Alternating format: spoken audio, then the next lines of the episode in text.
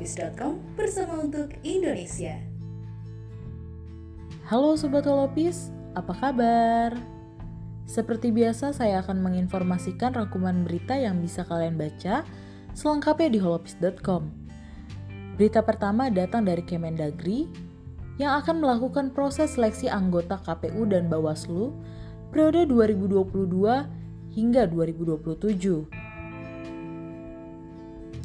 Dirjen Pol dan PUM Kemendagri Bahtiar mengatakan, seleksi tersebut sebagaimana diatur dalam Undang-Undang Nomor 7 Tahun 2017 tentang Pemilihan Umum disusun paling lambat 6 bulan sebelum berakhirnya masa jabatan anggota KPU dan Bawaslu periode 2017-2022 pada bulan April 2022.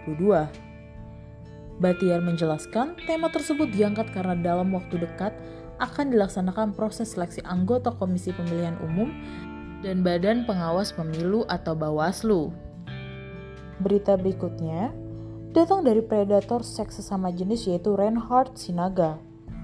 Greater Manchester Police atau polisi Inggris baru saja merilis foto penahanan yang diambil usai menyeret Reinhard Sinaga ke penjara. Reinhard Sinaga, si predator seks sesama jenis tampak dalam kondisi yang menyedihkan dalam foto terbaru. Selain wajah yang babak belur, matanya tampak sayu serta kondisi hidungnya juga sedikit bengkok. Melansir BBC News, luka pada wajah Reinhard Sinaga diduga berasal dari pukulan korban yang mengamuk setelah sadar usai diperkosa. Reinhard berdasarkan laporan kepolisian Inggris memang ditangkap usai salah satu korban sadar dan langsung membuat laporan ke polisi. Saat ditangkap, Reinhard Sinaga terbukti telah merekam perbuatan menjijikannya itu ke ponsel pribadinya.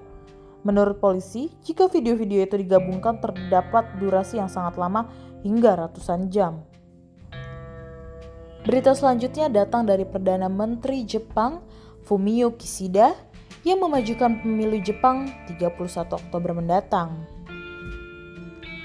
Fumio Kishida resmi terpilih sebagai Perdana Menteri Jepang setelah menang dalam pemungutan suara di parlemen. Kishida juga saat ini tengah berjuang menempuh jalan yang sulit dalam mengumpulkan suara pemilih dengan waktu dua hari setelah kemenangannya.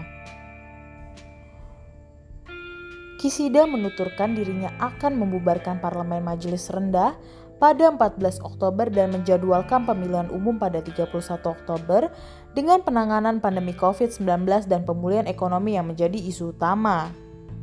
Menurut Kisida, keputusan itu diambil akibat adanya ketidakpastian situasi akibat COVID-19 dan risiko vakum politik usai berakhirnya masa jabatan DPR Jepang pada 21 Oktober mendatang.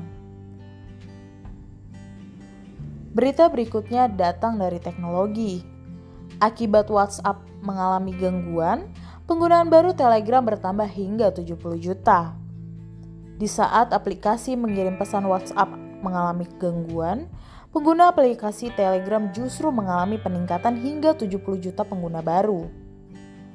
Menurut pendiri sekaligus CEO Telegram, Pavel Durov, tersebut diakuinya sebagai rekor peningkatan dalam registrasi dan aktivitas pengguna.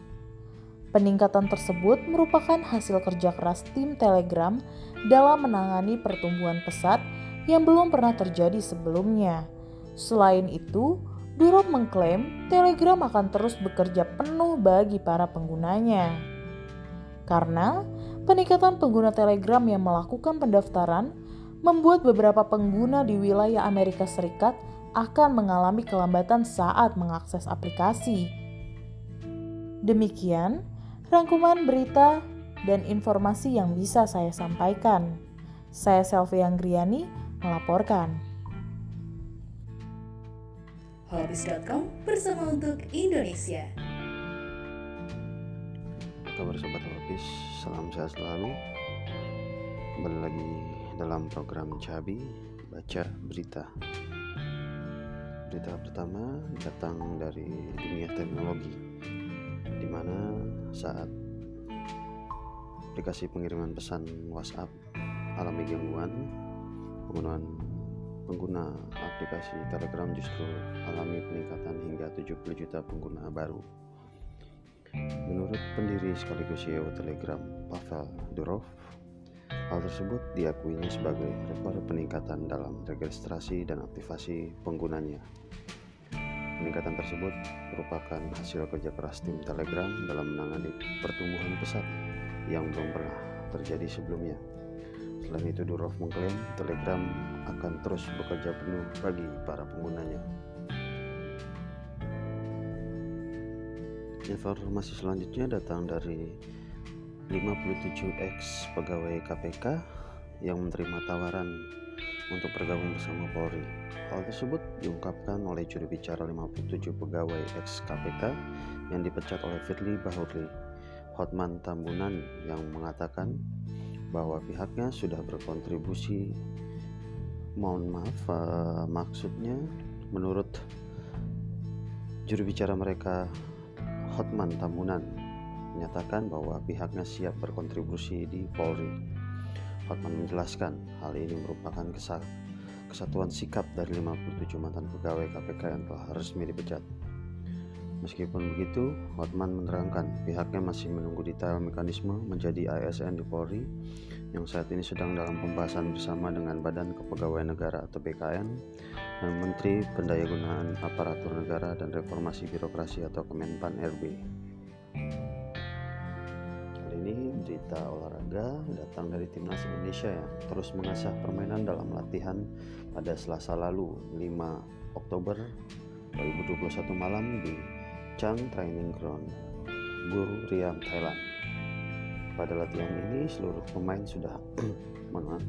Pada latihan ini seluruh pemain sudah mengikuti latihan kecuali Witan Sulaiman yang belum hadir ke Thailand karena kendala dalam penerbangan. Skuad Garuda akan melawan Taiwan dalam playoff kualifikasi Piala Asia 2023 di Stadion Chang Arena Buriram, Thailand pada tanggal 7 dan 11 Oktober. Bila sukses mendepak Taiwan, Indonesia akan lolos ke babak kualifikasi Piala Asia 2023. Untuk diketahui, Taiwan sendiri berada di posisi 50, 151 dengan raihan 1046 poin dalam peringkat FIFA terbaru sedangkan Indonesia menempati peringkat ke-175 dengan mengemas 957 angka.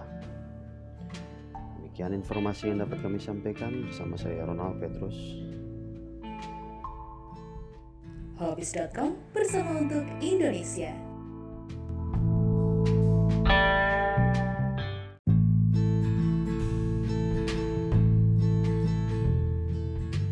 Hobbies.com bersama untuk Indonesia. Halo Sobat Holopis, apa kabar? Seperti biasa saya akan menginformasikan rangkuman berita yang bisa kalian baca selengkapnya di holopis.com. Berita pertama datang dari Kemendagri yang akan melakukan proses seleksi anggota KPU dan Bawaslu periode 2022 hingga 2027. Dirjen Pol dan PUM Kemendagri Bahtiar mengatakan, seleksi tersebut sebagaimana diatur dalam Undang-Undang Nomor 7 Tahun 2017 tentang Pemilihan Umum disusun paling lambat 6 bulan sebelum berakhirnya masa jabatan anggota KPU dan Bawaslu periode 2017-2022 pada bulan April 2022. Batiar menjelaskan tema tersebut diangkat karena dalam waktu dekat akan dilaksanakan proses seleksi anggota Komisi Pemilihan Umum dan Badan Pengawas Pemilu atau Bawaslu. Berita berikutnya datang dari predator seks sesama jenis yaitu Reinhard Sinaga. Greater Manchester Police atau polisi Inggris baru saja merilis foto penahanan yang diambil usai menyeret Reinhard Sinaga ke penjara. Reinhard Sinaga, si predator seks sesama jenis tampak dalam kondisi yang menyedihkan dalam foto terbaru. Selain wajah yang babak belur, matanya tampak sayu serta kondisi hidungnya juga sedikit bengkok. Melansir BBC News, luka pada wajah Reinhard Sinaga diduga berasal dari pukulan korban yang mengamuk setelah sadar usai diperkosa. Reinhard berdasarkan laporan kepolisian Inggris memang ditangkap usai salah satu korban sadar dan langsung membuat laporan ke polisi. Saat ditangkap, Reinhard Sinaga terbukti telah merekam perbuatan menjijikannya itu ke ponsel pribadinya. Menurut polisi, jika video-video itu digabungkan terdapat durasi yang sangat lama hingga ratusan jam. Berita selanjutnya datang dari Perdana Menteri Jepang Fumio Kishida yang memajukan pemilu Jepang 31 Oktober mendatang. Fumio Kishida resmi terpilih sebagai Perdana Menteri Jepang setelah menang dalam pemungutan suara di parlemen. Kishida juga saat ini tengah berjuang menempuh jalan yang sulit dalam mengumpulkan suara pemilih dengan waktu dua hari setelah kemenangannya. Kisida menuturkan dirinya akan membubarkan parlemen majelis rendah pada 14 Oktober dan menjadwalkan pemilihan umum pada 31 Oktober dengan penanganan pandemi COVID-19 dan pemulihan ekonomi yang menjadi isu utama. Menurut Kisida, keputusan itu diambil akibat adanya ketidakpastian situasi akibat COVID-19 dan risiko vakum politik usai berakhirnya masa jabatan DPR Jepang pada 21 Oktober mendatang. Berita berikutnya datang dari teknologi. Akibat WhatsApp mengalami gangguan, penggunaan baru Telegram bertambah hingga 70 juta. Di saat aplikasi mengirim pesan WhatsApp mengalami gangguan, pengguna aplikasi Telegram justru mengalami peningkatan hingga 70 juta pengguna baru. Menurut pendiri sekaligus CEO Telegram, Pavel Durov, tersebut diakuinya sebagai rekor peningkatan dalam registrasi dan aktivitas pengguna. Peningkatan tersebut merupakan hasil kerja keras tim Telegram dalam menangani pertumbuhan pesat yang belum pernah terjadi sebelumnya. Selain itu, Durov mengklaim Telegram akan terus bekerja penuh bagi para penggunanya. Karena peningkatan pengguna Telegram yang melakukan pendaftaran membuat beberapa pengguna di wilayah Amerika Serikat akan mengalami kelambatan saat mengakses aplikasi. Demikian rangkuman berita dan informasi yang bisa saya sampaikan. Saya Selvi Anggriani melaporkan. Hobbies.com bersama untuk Indonesia. Kabar sobat Hobbies, salam sehat selalu. Kembali lagi dalam program Cabi Baca Berita. Berita pertama datang dari dunia teknologi, di mana saat aplikasi pengiriman pesan WhatsApp alami gangguan, penggunaan pengguna aplikasi Telegram justru alami peningkatan hingga 70 juta pengguna baru. Menurut pendiri sekaligus CEO Telegram, Pavel Durov, Hal tersebut diakuinya sebagai rekor peningkatan dalam registrasi dan aktivasi penggunanya. Peningkatan tersebut merupakan hasil kerja keras tim Telegram dalam menangani pertumbuhan pesat yang belum pernah terjadi sebelumnya. Selain itu, Durov mengklaim Telegram akan terus bekerja penuh bagi para penggunanya. Informasi selanjutnya datang dari 57X pegawai KPK yang menerima tawaran untuk bergabung bersama Polri. Hal tersebut diungkapkan oleh juru bicara 57 pegawai ex KPK yang dipecat oleh Firly Bahuri, Hotman Tambunan yang mengatakan bahwa pihaknya sudah berkontribusi mohon maaf uh, maksudnya menurut juru bicara mereka Hotman Tambunan menyatakan bahwa pihaknya siap berkontribusi di Polri. Hotman menjelaskan hal ini merupakan kesatuan sikap dari 57 mantan pegawai KPK yang telah resmi dipecat. Meskipun begitu, Hotman menerangkan pihaknya masih menunggu detail mekanisme menjadi ASN di Polri yang saat ini sedang dalam pembahasan bersama dengan Badan Kepegawaian Negara atau BKN dan Menteri Pendayagunaan Aparatur Negara dan Reformasi Birokrasi atau Kemenpan RB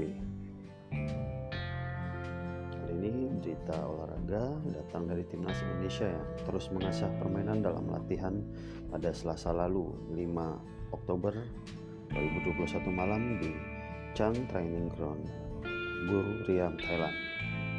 Pada latihan ini seluruh pemain sudah mana?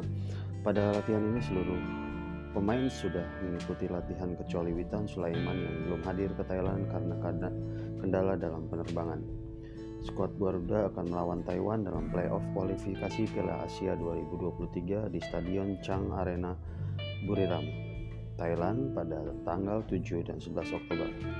Bila sukses mendepak Taiwan, Indonesia akan lolos ke babak kualifikasi Piala Asia 2023. Untuk diketahui, Taiwan sendiri berada di posisi 50, 151 dengan raihan 1046 poin dalam peringkat FIFA terbaru.